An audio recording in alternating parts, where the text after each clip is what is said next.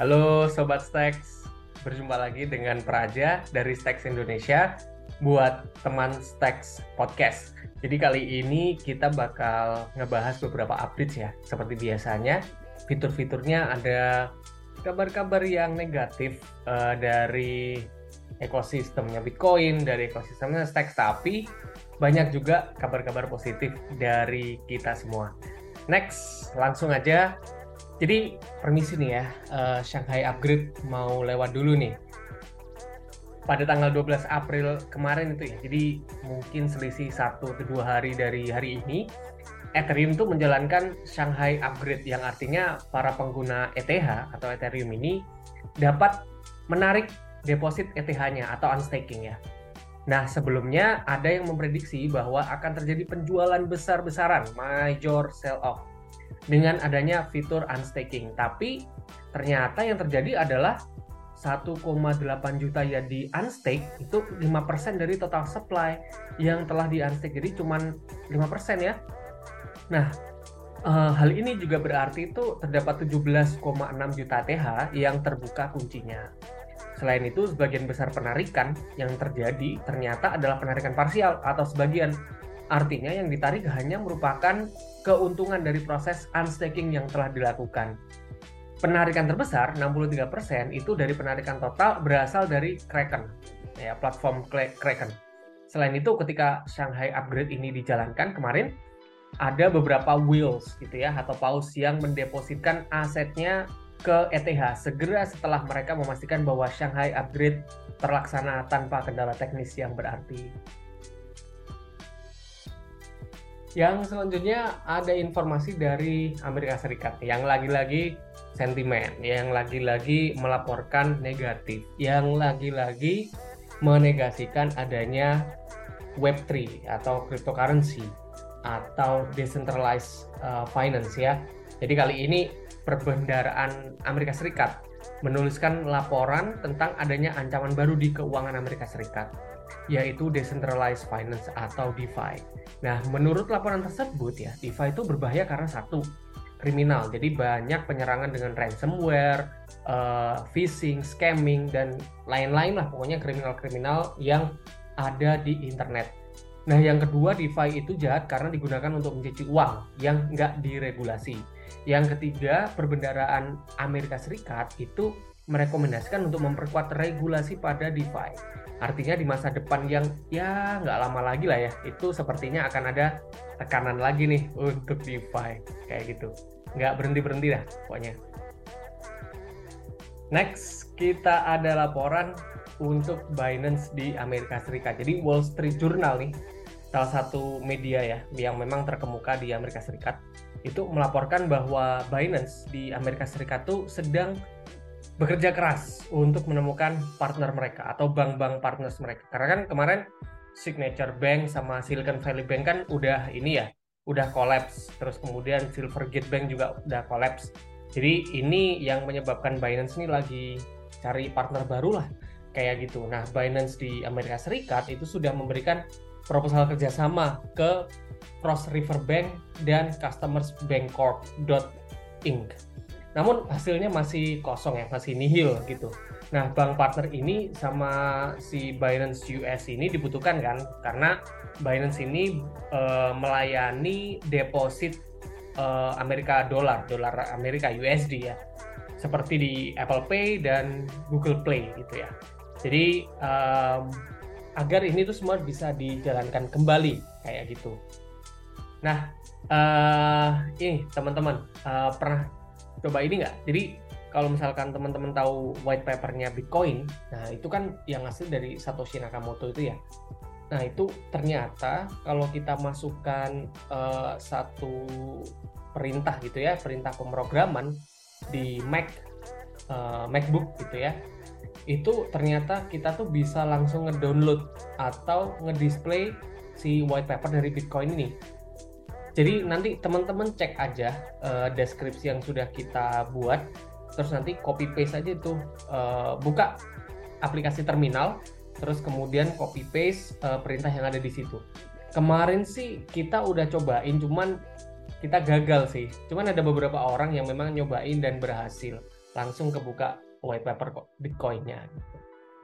Nah, Bitcoin ini uh, kan panas ya, maksudnya panas dalam artian ketika kita mining Bitcoin itu kan membutuhkan server yang banyak.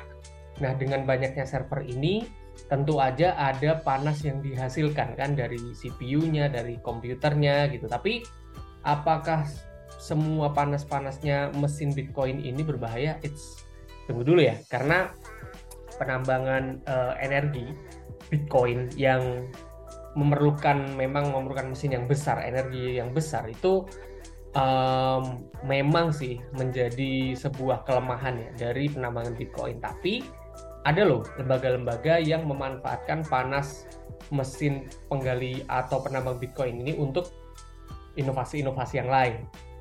Contohnya uh, ada ya di lembaga di uh, eh, UK di Inggris gitu ya yang menggunakan panas dari komputer-komputer Bitcoin ini untuk menghangatkan kolam umum gitu ya. Jadi kalau misalkan ada uh, kolam renang gitu, mungkin di bawahnya ada banyak mesin-mesin penambang Bitcoin gitu. Jadi kolamnya hangat.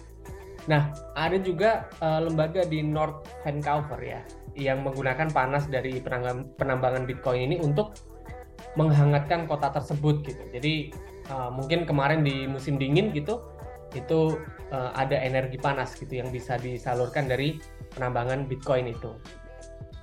Next kita ada informasi dari Ethereum versus uh, Bitcoin atau ETH versus BTC.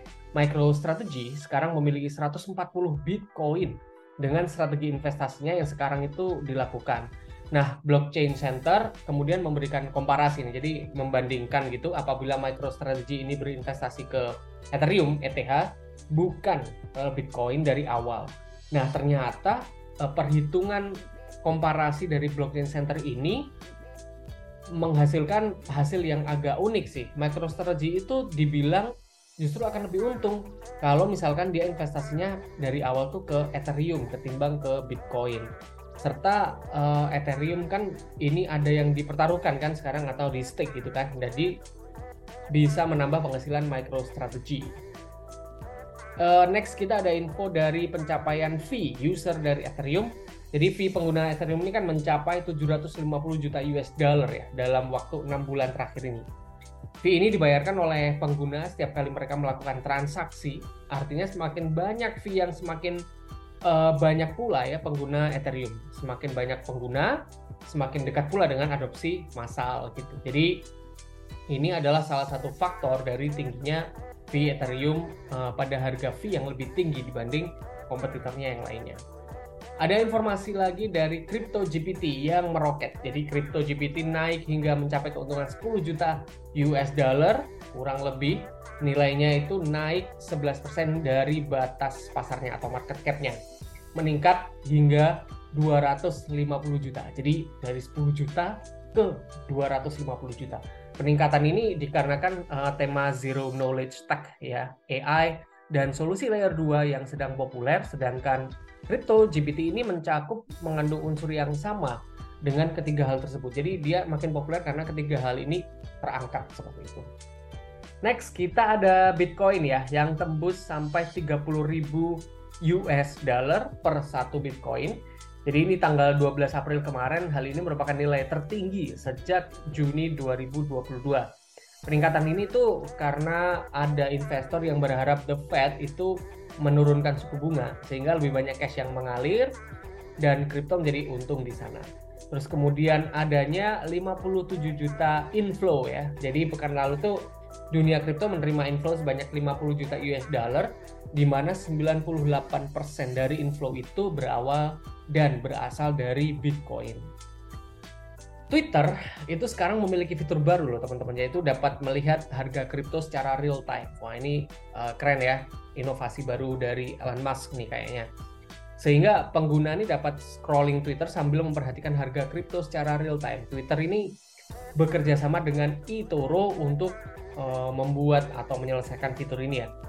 Tujuan fitur ini tentu uh, menekankan pada investasi. Jadi orang yang masuk ke Twitter nggak cuma scrolling scrolling tapi juga bisa berinvestasi. Nah kita sekarang memasuki ke komunitas kita jadi seperti biasa informasi reguler dari Stacks Foundation bisa teman-teman cek langsung di link yang ada di deskripsi podcast ini. Kemudian jangan lewatkan uh, Ordinals Conference 2023 karena ini adalah conference Ordinals Bitcoin pertama kalinya di dunia. Jadi yang akan dilaksanakan 18 Mei di Miami Beach di Hilton Cabana. Nah, siapa tahu nih ada teman-teman stakers Indonesia yang kebetulan mampir di Amerika Serikat, langsung aja join di Ordinals Conference-nya. Nah, buat teman-teman yang mau belajar Clarity, bahasa pemrograman dari Stacks, jangan lupa pantengin terus Telegram kita karena uh, di situ informasi itu kita sebarin semuanya lewat Telegram. Kalau teman-teman mau join, silahkan chat aja, uh, tanya aja ke adminnya apakah kelasnya masih dibuka. Kalau masih dibuka, berarti teman-teman bisa join dengan teman-teman yang kemarin udah join gitu ya. Nah, uh, tanggal 14 kemarin kemarin banget kita itu ada event Bitcoin Builders Meetup offline ya di Yogyakarta dan di situ ada uh, dari Stacks kita diwakilin oleh Mas Ragil Maulana yang ngebicarain tentang pembangunan Bitcoin dan sharing bareng lah yang pasti sharing santai bareng sama teman-teman yang hadir di sana. Nah, seru nih. Semoga bulan ini kita ada event online uh, offline lagi ya. Kemudian jangan lupa follow Instagram kita, follow Twitter kita dan follow Medium kita. Terima kasih. Terima kasih. Have a good day. Bye bye.